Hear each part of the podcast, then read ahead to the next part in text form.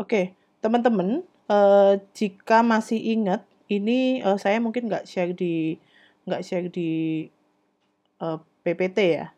Um, menurut World Economic Forum, sebenarnya uh, skill outlook yang pada akhirnya um, signifikan itu adalah tentang growingnya itu adalah tentang um, uh, leadership.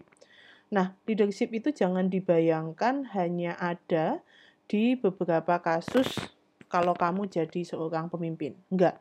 Kenyataannya di lapangan tidak seperti itu. Nah, um, salah satu yang pada akhirnya uh, kan, uh, sering pada akhirnya penting di masa depan itu adalah people management. Itulah kemudian saya memberikan materi tentang uh, human resource management ini di hampir um, berapa ya? Dari 8, 9, 10 dan um, berikutnya. Um, wait, wait, wait, saya share screen. Ya. Nah, oke, okay, kita masuk di uh, practice of um, loh, salah, salah, salah sebentar. Um, practice of human resource management. Aduh, ini kok salah terus ya. Sebentar. Hmm. Oke, teman-teman, kita mungkin bisa um, berdiskusi terlebih dahulu. Kalau dengerin um, manajemen SDM, apa yang di benak teman-teman? Apa yang di benak teman-teman kalau ngomongin, aduh, apa ya SDM? SDM itu apa gitu? Menurut teman-teman? Sumber daya manusia. Apa, Mas? Sumber daya manusia bukan, Bu? Ya, sumber daya manusia. Apa? Apa apa yang kemudian pertama kali terlintas kalau kita ngomongin uh, uh, manajemen atau pengelolaan sumber daya manusia? Apa yang terlintas pertama? Skill bukan Bu, skill. Skill. skill. Skill, oke, okay. tenaga kerja, apalagi? Peningkatan kapasitas, Bu. Peningkatan kapasitas anggota. Oke, okay, bisa jadi peningkatan kapasitas. Apalagi? Apa? HRD, oke, okay. apalagi? Dipecat? Interview kerja. Interview kerja. Dipecat, itu bisa masuk. Ya. Nah, itu hal-hal yang sebenarnya terkait dengan HRM. Jadi uh, yang Mas Mbak tadi infokan tadi masuk. Oke. Okay. Nah, di dalam HRM ini kita lihat sekilas dulu. Kita akan lebih banyak diskusi uh, bagi teman-teman yang sudah tahu soal pertanyaan saya di UTS, um, karena kondisi saat ini memang teman-teman harus lebih banyak mengimplementasikan konsep menjadi sesuatu hal yang uh, bisa dibaca. Jadi fenomena yang terjadi saat ini itu dibaca dengan konsep. Nah itu adalah salah satu yang ingin saya tekankan di mata kuliah uh, saat ini.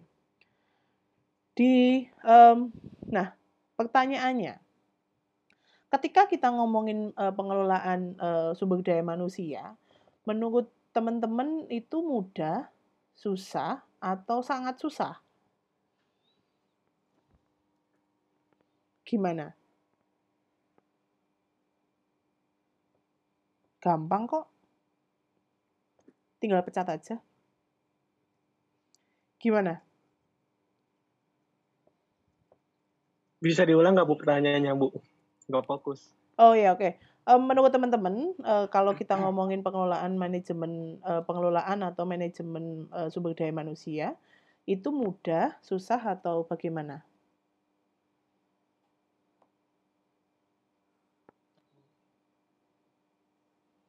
Susah? Susah, susah, susah sih bu. Susah bu. Soalnya harus ada pertimbangan-pertimbangan nah, yang dipikirin bu. Kenapa? Jangan asal mecat aja sih bu kalau kata saya. Soalnya kan belum tentu juga orang yang dipecat itu buruk anggapan dari si bosnya, Bu. Oke. Okay. Um, Oke, okay, kalau kasusnya mecat. Kalau kasusnya rekrutmen gampang. Susah-susah gampang, Bu. Susah-susah gampang sih, Bu. kenapa? Kenapa? ya benar juga. Ya, karena banyak banyak uh, Nah, iya itulah. Kalau ngerekrutnya nggak sesuai dengan apa yang dibutuhkan oleh so apa perusahaan itu ya susah juga. Apa dampaknya kalau nggak sesuai sama perusahaan? Ya bisa perusahaannya bisa hancur. Bisa hancur, oke. Okay. Memperlambat kinerja. Oke, okay, memperlambat kinerja. Nah, um, uh, ini human resource management ini um, benar susah-susah gampang. Tapi kalau saya ngomongnya nggak ada yang gampang, kayak susah banget gitu ya. Jadi um, uh, kemarin kita ngomongin panjang lebar, ada yang ngomongin tentang uh, jadi pengusaha dan lain sebagainya. Nah nanti akan tahu lah. Um, silahkan diskusi sama yang pengusaha-pengusaha itu betapa susahnya untuk uh, ngatur karyawan kayak gitu. Nah itu yang kemudian kenapa human resource management, people management itu masih menjadi uh, kebutuhan yang sangat signifikan di beberapa tahun ke depan. Nah um, jadi kalau dilihat dari HRM kata-katanya itu human resource management atau manajemen sumber daya manusia itu sebenarnya sesuatu yang um, apa ya yang dapat kita katakan itu adalah uh, pendekatan uh, apa ya bahasanya mungkin bukan uh, mungkin kalau pendekatan agak susah dipahaminya. Cara metode yang sebenarnya uh, kata kuncinya kalau ngomongin resource management berarti manusia ketenaga kerjaan kalau tadi ngomongin pelatihan berarti pengembangan dan yang tak kalah penting itu adalah well-being kesejahteraan kesejahteraan itu apakah kemudian dimaknai hanya dengan gaji Apalagi sejahteraan itu selain gaji apalagi?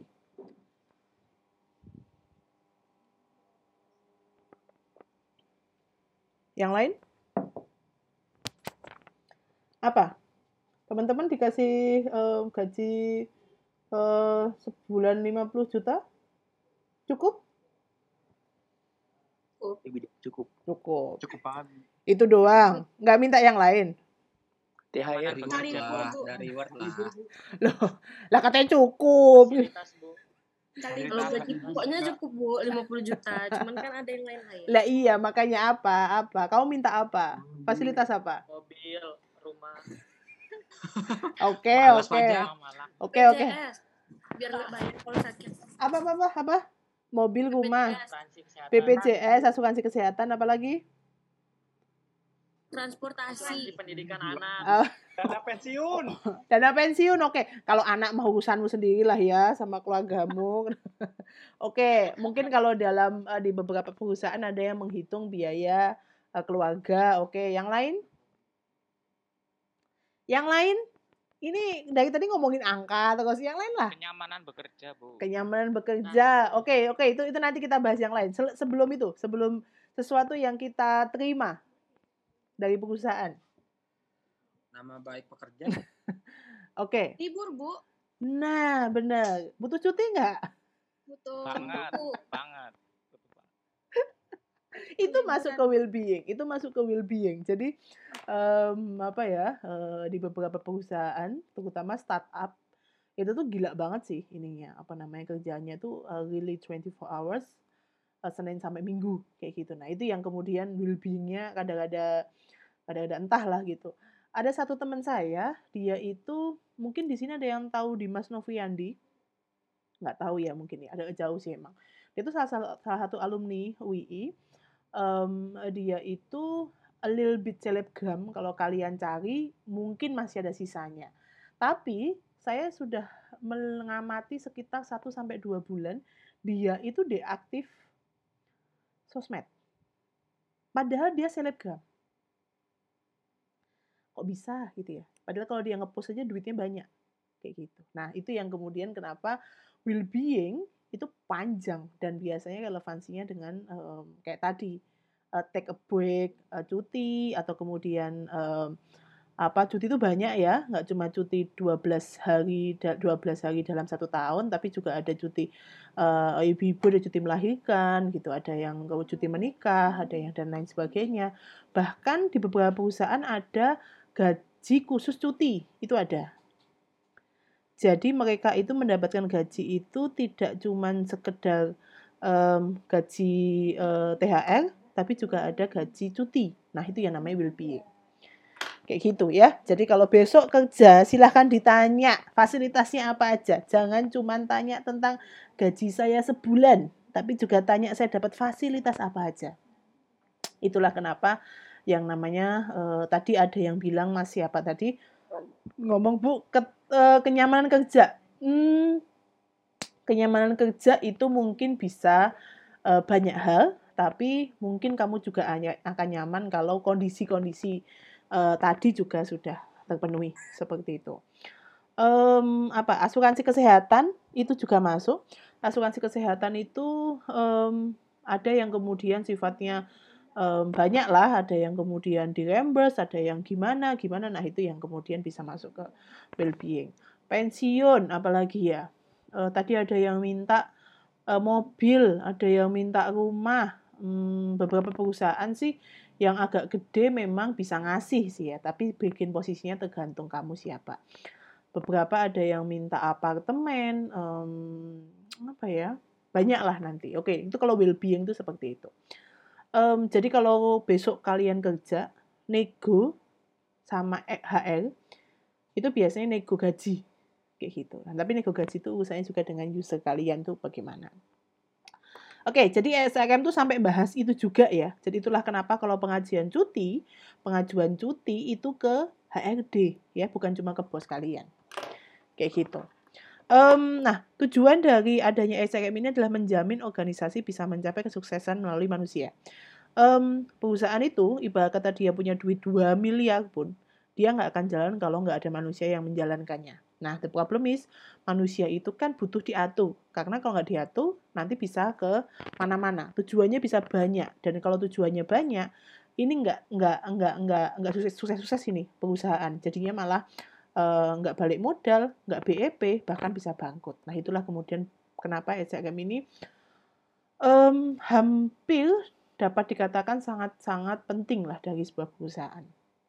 Nah, SRM ini uh, bertujuan untuk meningkatkan efektif uh, efe, uh, keefektifan organisasi uh, dan uh, kapabilitasnya, di mana pada akhirnya uh, mereka bertujuan untuk bagaimana uh, perusahaan itu bisa memaksimalkan um, uh, apa ya uh, atau dalam tanda kutip memberdayakan uh, sumber daya itu dengan baik. Seperti itu. Nah itulah kemudian di SRM ini um, tricky tadi kalau kalian dia susah gampang-gampang susah. Kalau saya sih bilangnya susah gitu tapi uh, tricky memang jatuhnya um, apa susahnya itu menjadi sesuatu yang dapat dikatakan agak nyeni gitu. Nah itulah kemudian butuh banyak penerapan uh, kesesuaian dan lain sebagainya. Nah ini gambarnya gambar SRM-nya gambar, gambar yang kemudian kenapa banyak sekali um, uh, bisa diamati kalau yang Lihatnya pakai handphone, kelihatankah ini? Kelihatankah? Nggak ngerti bahasanya, Bu. Oke. okay. Um, ya. Ya, ini ya. Jadi, teman-teman uh, tahu bahwa sebenarnya di sini ada namanya recruitment and selection. Recruitment and selection itu berarti nanti ada HRD yang khusus bahas tentang bagaimana cara merekrut dan menyeleksinya. Lalu kemudian ada juga bagian yang ngurusin tentang uh, performance-nya. Jadi ada yang ngurusi angka-angka kamu tuh kalau dapat uh, nilai uh, apa bukan nilai ya. KPI, KPI Key Performance Indicator atau IPK dalam satu tahun itu yang ngurusi siapa lagi. Terus kemudian mungkin kerjaanmu nggak bagus atau mungkin bagus ada yang namanya di sini ada yang namanya di um, uh, semoga bisa kebaca ya. Uh, wait. Um, ini, aduh.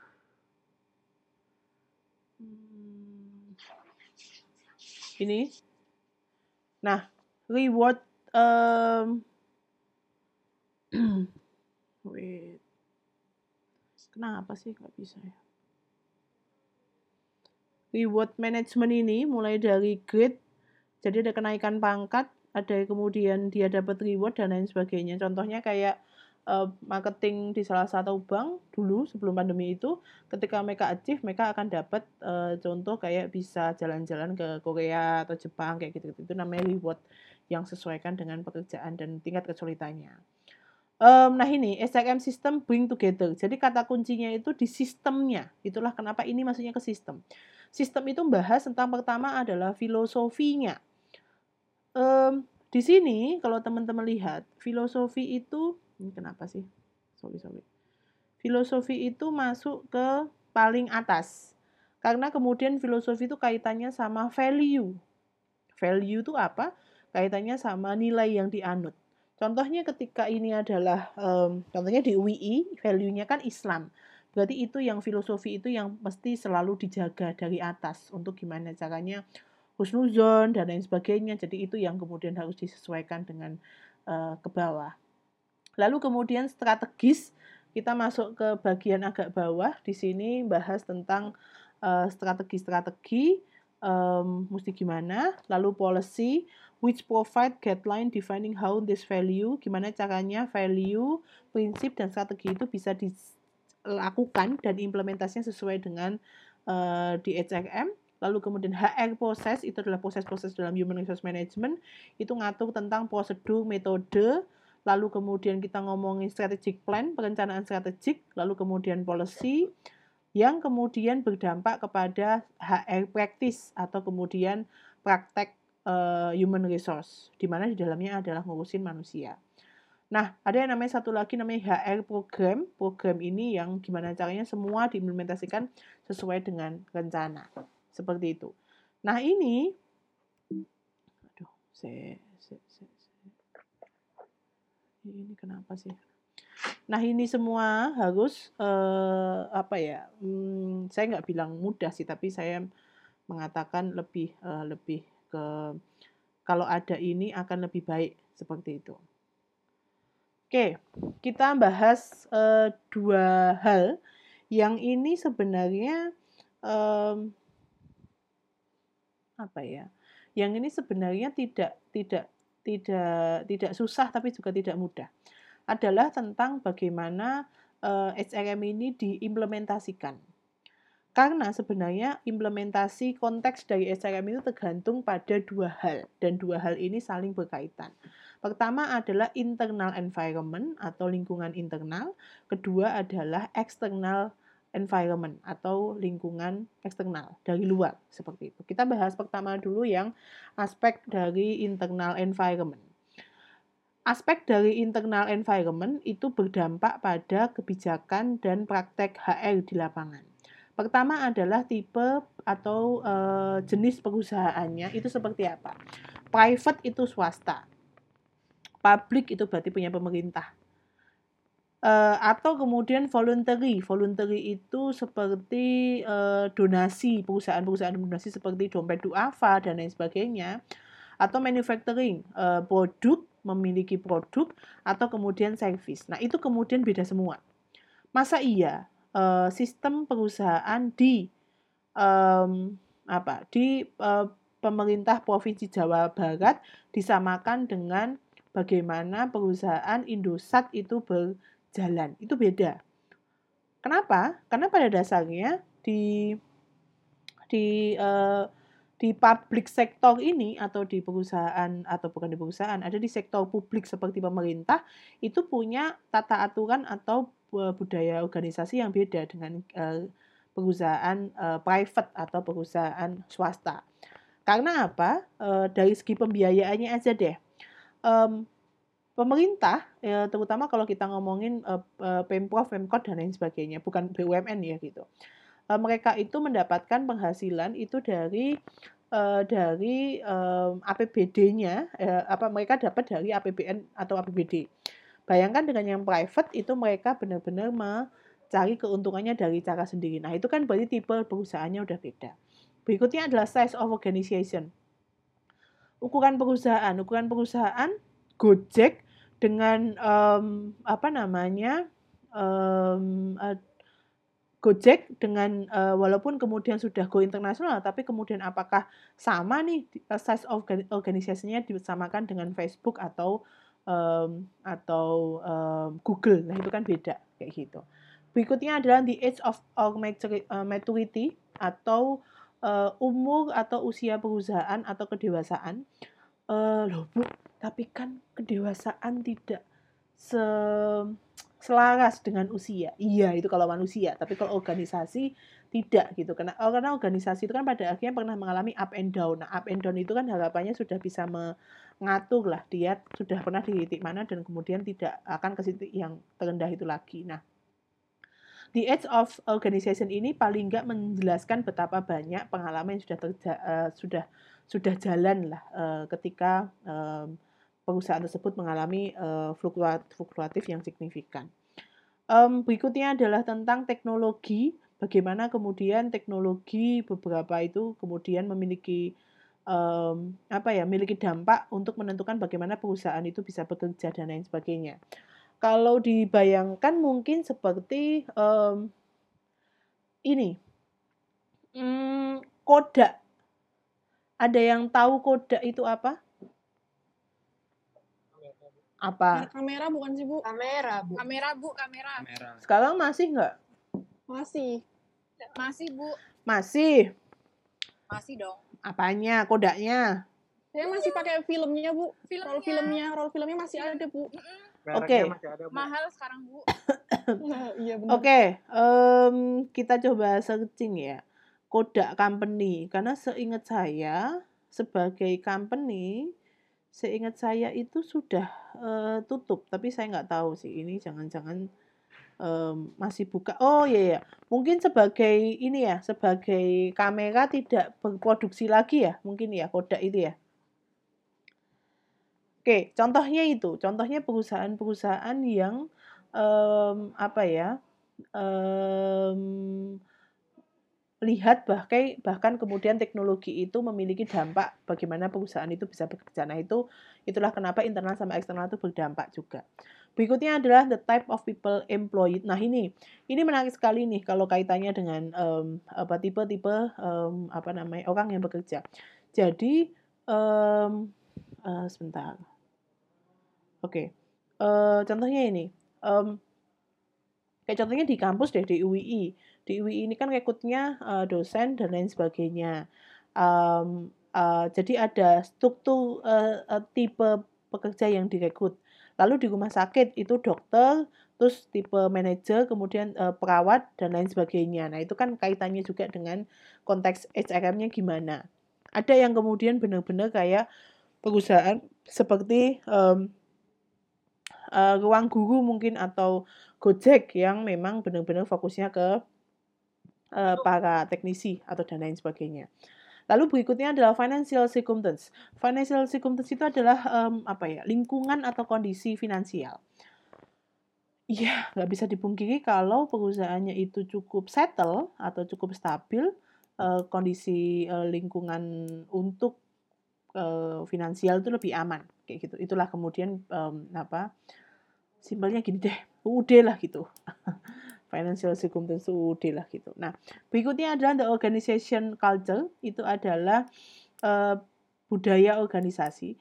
Budaya organisasi itu bagaimana kemudian em, pola pola yang ter, pola yang terbentuk saat ini sudah ada, mulai dari pola em, apa namanya value atau nilai, norma, kepercayaan, attitude, asumsi, yang kemudian ini semua mem- me- me- apa ya, membentuk eh, sebuah cara di mana pada akhirnya orang itu bisa berperilaku dan kemudian em, bekerja untuk menyelesaikannya. Em, budaya organisasi ini menurut saya sangat tergantung juga dengan let's say eh, kota eh, apa lokasi atau geografis kayak gitu karena em, contoh nih contoh gitu ada anggapan bahwa kalau orang Jawa sukanya kalau eh, kebiasaannya basa-basi gitu tapi kalau orang eh, metropolitan atau orang eh, kota kebiasaan to the point. Nah itu kan hal-hal yang kemudian bisa me, me- apa ya eh, bisa membentuk lah itu gambarannya mereka tuh kerjanya gimana. Ada yang baperan mungkin dikit-dikit eh, sakit hati. Nah itu kan eh, jangan-jangan itu budaya organisasi mereka yang kemudian kalau ngomong mesti dipikir banget. Kalau salah ngomong nanti bikin ada yang sakit hati. Nah itu kan hal-hal yang kemudian sangat terkait juga dengan eh, HRM dan yang em, terakhir terkait dengan internal environment itu adalah tentang em, apa ya iklim iklim politik dan sosial. Jadi kalau iklim politik dan sosial itu em, dapat dikatakan hampir semua perusahaan memiliki eh, sikon atau preferensi iklim politik. Nah, politik itu jangan dibayangkan sesuatu yang bagaimana. Politik itu sesimpel bahwa em, kalau dari definisinya eh, politik is eh, the way to get something. Eh, em, eh, politik itu adalah salah satu cara untuk mendapatkan sesuatu. Udah sesimpel kayak gitu aja. Contoh deh, teman-teman pengen beli handphone baru, bilang sama orang tua. Caranya ngomong, bilang dulu, Bu, semester ini saya dapat IPK 3,8. Aku boleh minta handphone baru nggak? Nah, itu namanya politik. Jangan dibayangkan politik itu sangat di mana-mana kayak gitu lebay gitu. Yang deket-deket dulu di kita aja gitu. Terus ngomong dulu ini politiknya kayaknya jam segini orang tua masih capek ngomongnya nanti nggak pas dan lain sebagainya nanti ngomongnya besok pagi aja sembari saya kasih eh, apa namanya kasih tahu nilai IPK saya 3,8 nah itu namanya politik nah dalam sebuah perusahaan pasti ada yang namanya kayak gitu nah itulah kemudian harus mempertimbangkan em, apa eh, iklim politik dan sosialnya juga nah kalau tadi kita ngomong internal berikutnya adalah tentang eksternal eksternal ini banyak sekali dan internal eksternal ini sangat berkaitan Pertama adalah eh, eksternal itu yang signifikan sosial, politik, legal, economic development, competitive pressure. Em, em, political, political contohnya gini deh. Em, em, kemarin 2019 yang hot banget lah itu. Ketika Jokowi sama eh, sama sama Prabowo. Jokowi kalau menang itu gimana? Kalau Jokowi eh Jokowi lagi. Prabowo kalau menang eh, kalau menang bagaimana? Itu juga berdampak paling kenceng kalau sekarang tuh lagi heboh yang namanya saham. Nah, saham itu kan sangat terkait dengan eksternal. Contoh yang paling dekat lagi di bulan ini adalah tentang kemenangan Biden dibandingin Trump. Nah, itu kan juga terkait juga dengan kondisi eksternal gitu. Politik luar negeri tapi kemudian berdampak kepada eh, kondisi di perusahaan saat ini. Nah, itu yang kemudian external environment itu sangat berdampak juga saat ini. Em, legal, economic development, dan competitive pressure. Kita ngomongin economic developmentnya nanti sekalian sama eh, pandemic ya. Tapi eh, competitive pressure ini sebenarnya em, apa ya? Menariknya karena biasanya kalau ngomongin kompetitif itu kaitannya dengan perusahaan yang memiliki kesamaan eh, produk atau kesamaan eh, ya layanan yang ingin di di di di, di upkan atau dinaikkan. Nah, competitive pressure ini bisa eh, eh, bisa karena memang perusahaan yang kompetitor ini tuh memiliki tiba-tiba memiliki apa namanya nilai yang signifikan. Contohnya kalau kita ngomongin unicorn di Indonesia, itu kan sebenarnya menarik ya karena em, apa perusahaan-perusahaan kayak gitu tuh em, kayak lagi lari terus lah lagi lagi berkompetisi eh, yang signifikan. Nah, itu yang namanya competitive pressure. Em, bisa jadi memang kadang-kadang memang em, eh, perusahaan memang harus cepat naik untuk kemudian bisa dapetin nama contohnya. Nah, itu yang kemudian bisa berdampak ke eh, perusahaan juga. Eh, organization are reacting to the competition. Nah, untuk kemudian dapetin competitive pressure itu, organisasi itu harus me, eh, apa ya, mereka ulang kompetisi itu dan mereka harus membuatnya menjadi customer focus. Customer focus, lalu kemudian gimana caranya mereka melakukan improvement. Em, sebelum kita bahas yang lain lagi, em, saya baru tahu ternyata Lee Min Ho itu jadi brand ambasadornya Lazada. BTS menjadi brand ambasadornya Tokopedia. Blackpink menjadi ambasadornya Shopee. Siapa di sini yang suka dunia K-popan? Apakah menyadarinya atau ada yang lain lagi mungkin? Nah, di situ em, kenapa pada akhirnya mereka me- me- me- eh, mencari brand ambassador yang memang eh, signifikan mahalnya gitu. Itu namanya customer focus. Nah, em, em, tapi sebenarnya dalam customer focus itu memang harus melakukan em, apa ya penelitian lah atau riset kepada customer mereka tuh maunya apa dan lain sebagainya. Nah, eh, speeding up response times itu berarti harus cepat-cepat merespon. Eh, saya mungkin ada yang di sini pernah punya pengalaman, tapi kemarin saya itu beberapa minggu yang lalu tuh top up GoPay, lalu kemudian em, hmm, sekitar eh, karena saya masuknya itu di hari Jumat malam, eh, apa eh, salah bukan salah sih lebih tepatnya kayak em, tidak masuk ke eh, em, GoPay saya itu kemudian eh, ternyata baru direspon itu di hari kerja. Nah, di hari kerja itu relatif cepat lah satu hari itu selesai. Nah, itu yang kemudian perusahaan-perusahaan itu ketika mau berfokus kepada customer focus, memang mesti mempercepat yang namanya eh, responsif dan lain sebagainya. Lalu kemudian menekankan atau mengemphasize eh, quality and continuous improvement, tahu eh, bagaimana bagaimana me- me- melakukan pengembangan secara berkelanjutan. Lalu kemudian accelerating new technology. Nah, ini menarik sekali. Em, kondisi sekarang kalau sampai perusahaan nggak ikut teknologi itu sama aja bunuh diri. Nah, itulah kemudian harus segera mengakselerasi new teknologi. Nah, new tek- kata kuncinya adalah new teknologi, bukan cuma accelerating teknologi karena teknologi ini cepat sekali sehingga kemudian harus segera di eh, apa ya diperbarui terus-menerus.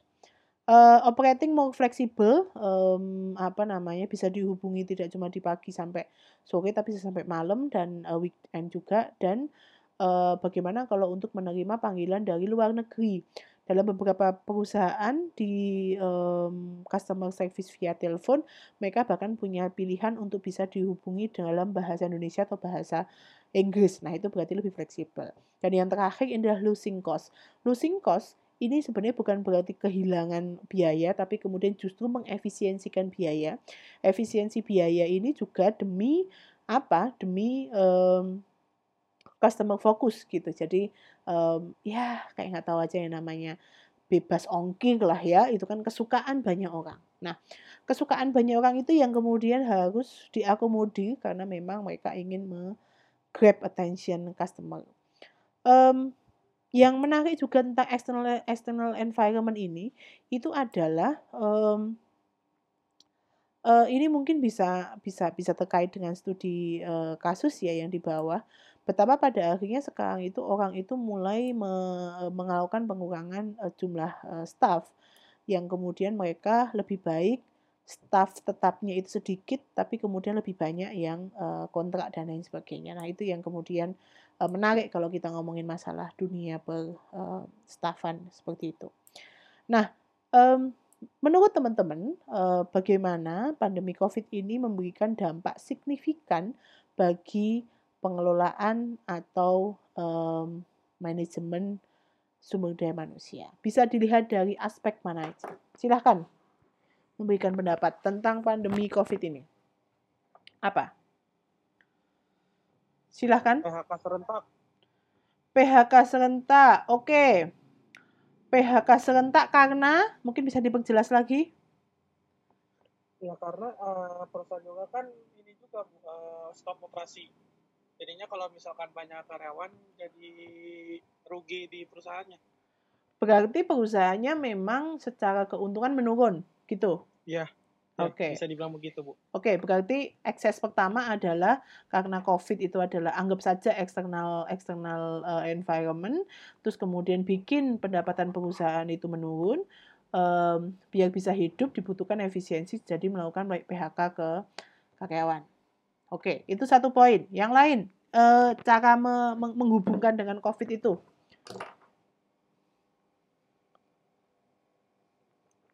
Yang lain, silahkan.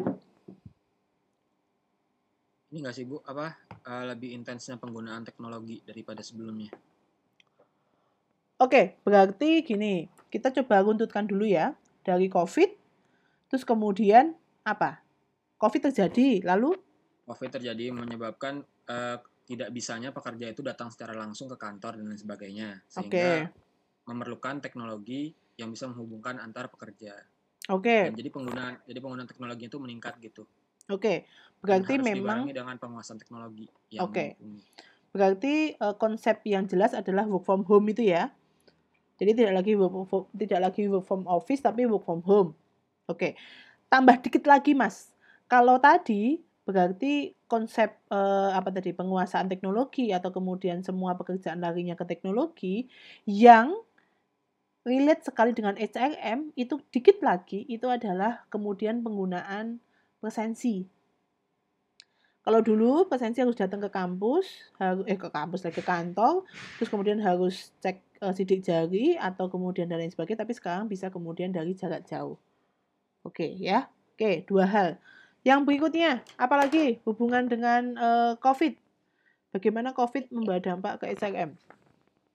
cuti akhir tahun bu yang katanya isunya bakal nggak ada atau diminimalisasi. Oke, itu berarti eh, dampaknya buat HR apa, Mbak? Eh, Apa itu? kalau seperti itu jadi orang-orang itu tetap harus bekerja yang eh, namanya employee-nya harus bekerja jadi kan HR juga harus mengatur karyawannya untuk tetap bekerja seperti itu kan itu nggak boleh cuti sebenarnya biar COVID-nya nggak menyebar lagi kalau misalnya cuti kan nanti Oh, dan Oke, sebagainya. oke, benar. Eh, kaitannya dengan cuti. Nah, sekarang pertanyaannya berikutnya, HR apakah bisa membuat kebijakan? Nggak tahu bisa gak ya Oke, ini ini ini hal menarik nih karena eh, saya saya saya nggak tahu di UI ya, tapi di beberapa perusahaan, kebetulan teman saya ada yang kerja di Pertamina, dia itu menceritakan bahwa presensinya itu sudah merupakan pakai location. Ini udah kayak kalian beli Gojek gitu, kalian beli GoFood tuh loh. Ada titiknya kan itu. Nah, titiknya itu yang kemudian disa, di, di, di, disesuaikan dengan jadwal dia. Kalau dia kira kan dua, dua minggu off, eh, dua minggu WFO, dua minggu WFH. Tapi kalau sampai dia WFO, tapi dia nggak masuk kan ketahuan tuh di location-nya. Karena kan ketahuan juga rumah dia atau kos kosannya atau apartemennya di mana kan kelihatan. Nah, em, perusahaannya dia itu sejauh ini sih belum ngasih info.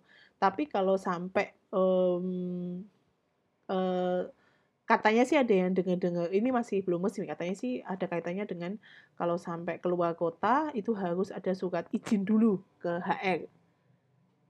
Jadi dulu sebelum ada COVID orang tuh bisa dengan bebas untuk melakukan cuti. Contoh nih, saya mau cuti nih eh, seminggu, nggak usah bilang ke mana, ya udah cuti aja gitu. Eh, saya nggak usah bilang saya mau ke mana, saya mau ke mana, saya eh, atau cuma di rumah aja gitu, nggak usah bilang. Tapi kalau sekarang perlu ada approval ke atau surat approval ke bos dan HRD untuk memastikan dia itu ada di posisi mana. Nah itu yang kemudian eh, jenjang apa ya bisa kebayang lah eh, kerjaannya HRM ini jadi tambah HRD ini tambah berat karena ya eh, kondisi-kondisi tadi gitu loh. Nah jadi cuti itu dampaknya ke situ bisa bisa ke situ Iya. Em, apa namanya ke pengajuan apakah boleh keluar kota apa tidak. Nah itu yang masih em, apa katanya sih belum tahu sih belum diinfoin kapan gitu. Oke Mbak terima kasih. Yang lain apa lagi? Sulitnya survive gitu. HR bingung gitu kayak misal dulu kan ibu pernah bilang kayak yang Pizza Hut itu benar-benar membagi staf karyawannya ke jalan-jalan sampai ke jalan-jalan Mm. gitu. Terus kan itu juga ya emang itu nyata gitu ada dan saya juga lihat gitu. Terus juga si apa Pizza Hut itu staf-stafnya juga ada bikin promo-promo gitu kan kayak itu masuk juga ke losing cost enggak bu?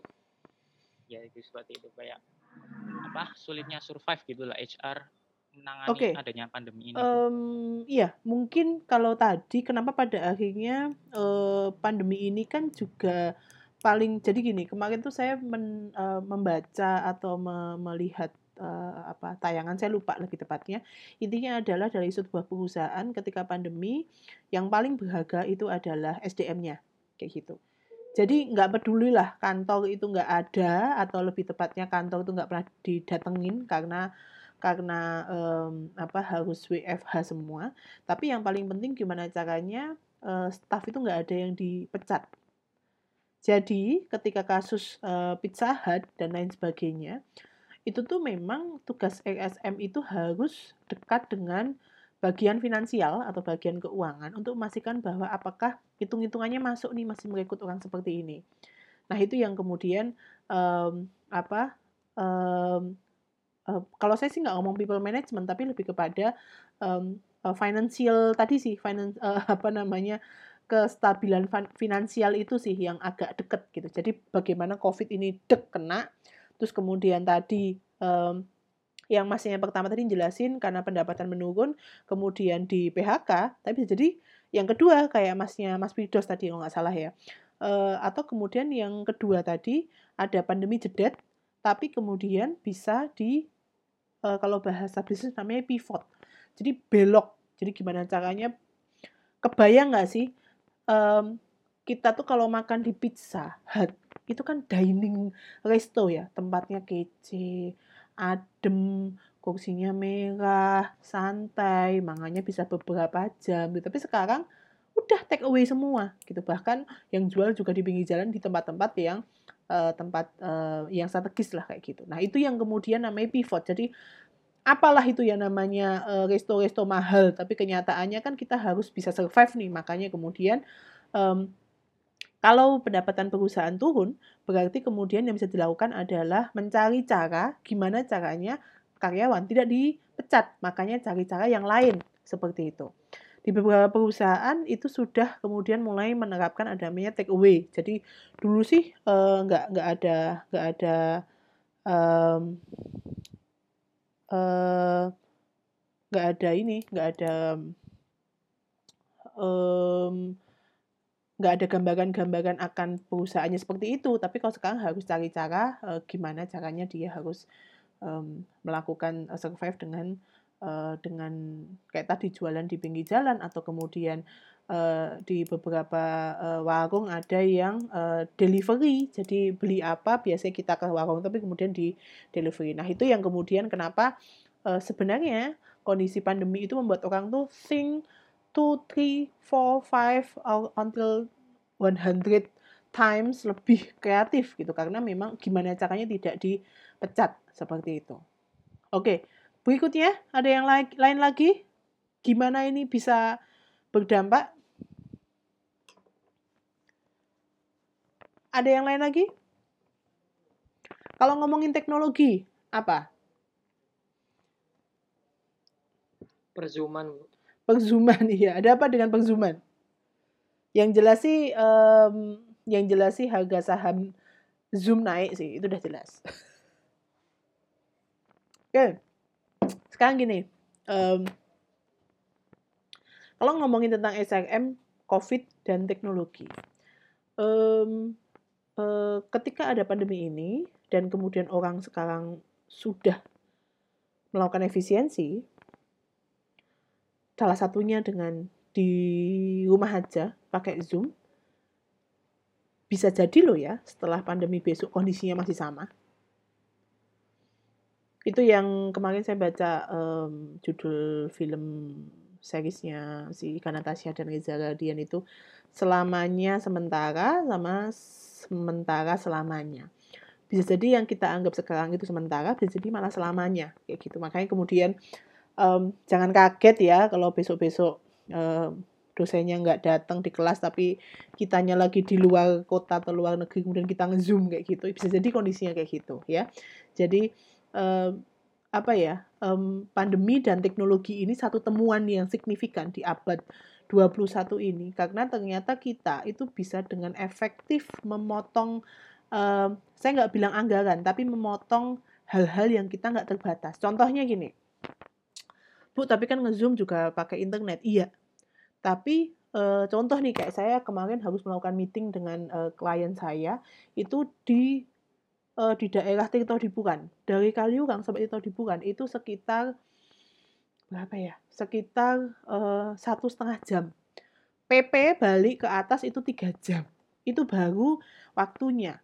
Belum dengan em, bensinnya. Belum dengan tenaganya. Tapi ketika nge-zoom saya bisa cukup efektif semuanya dengan eh, ya udah paling kalau pulsa berapa berapa puluh ribu. Karena toh juga wawancaranya dua jam jadi memang masih bisa masuk akal. Dengan tenaga efisiensi dan lain sebagainya. Nah itu yang kemudian kenapa em, teman-teman saya itu yang kemudian membicarakan tentang eh, eh, apa namanya em, ya efisiensi ini ternyata segitu signifikannya. Karena bisa memotong kos kos yang sebenarnya tidak selalu kemudian dengan uang tapi kalau kemudian ditukar dengan uang itu bisa sangat mahal gitu waktunya kebuang tiga jam untuk nyetir di sananya gimana belum lagi proses em, apa namanya eh, untuk siap-siapnya, bensinnya dan lain sebagainya. Seperti itu, itu kalau ngomongin teknologi. Ada yang lain lagi? Kalau kaitannya dengan pandemi?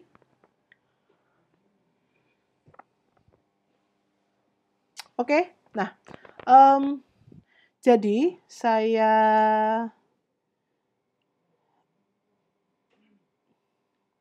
saya infokan, jadi besok hari Jumat nanti akan saya akan saya infokan linknya. Jadi akan ada materi dari eh, dia adalah people people development dari CBN. CBN itu perusahaan IT juga. Em, dia akan menjelaskan tema besarnya itu tentang follow your passion or meet the reality. Nah, itu yang em, akan nanti diberikan oleh em, teman saya ini. Jadi nanti silahkan em, silahkan membuat eh, ya mm, eh, ya ya intinya adalah kalau sampai ketemu sama pakarnya ya silahkan diambil yang sekiranya dia lebih tahu dan kemudian silahkan ditanyakan yang menurut kalian ini kayak konteksnya kayak gini sekarang tuh bagaimana kenyataannya.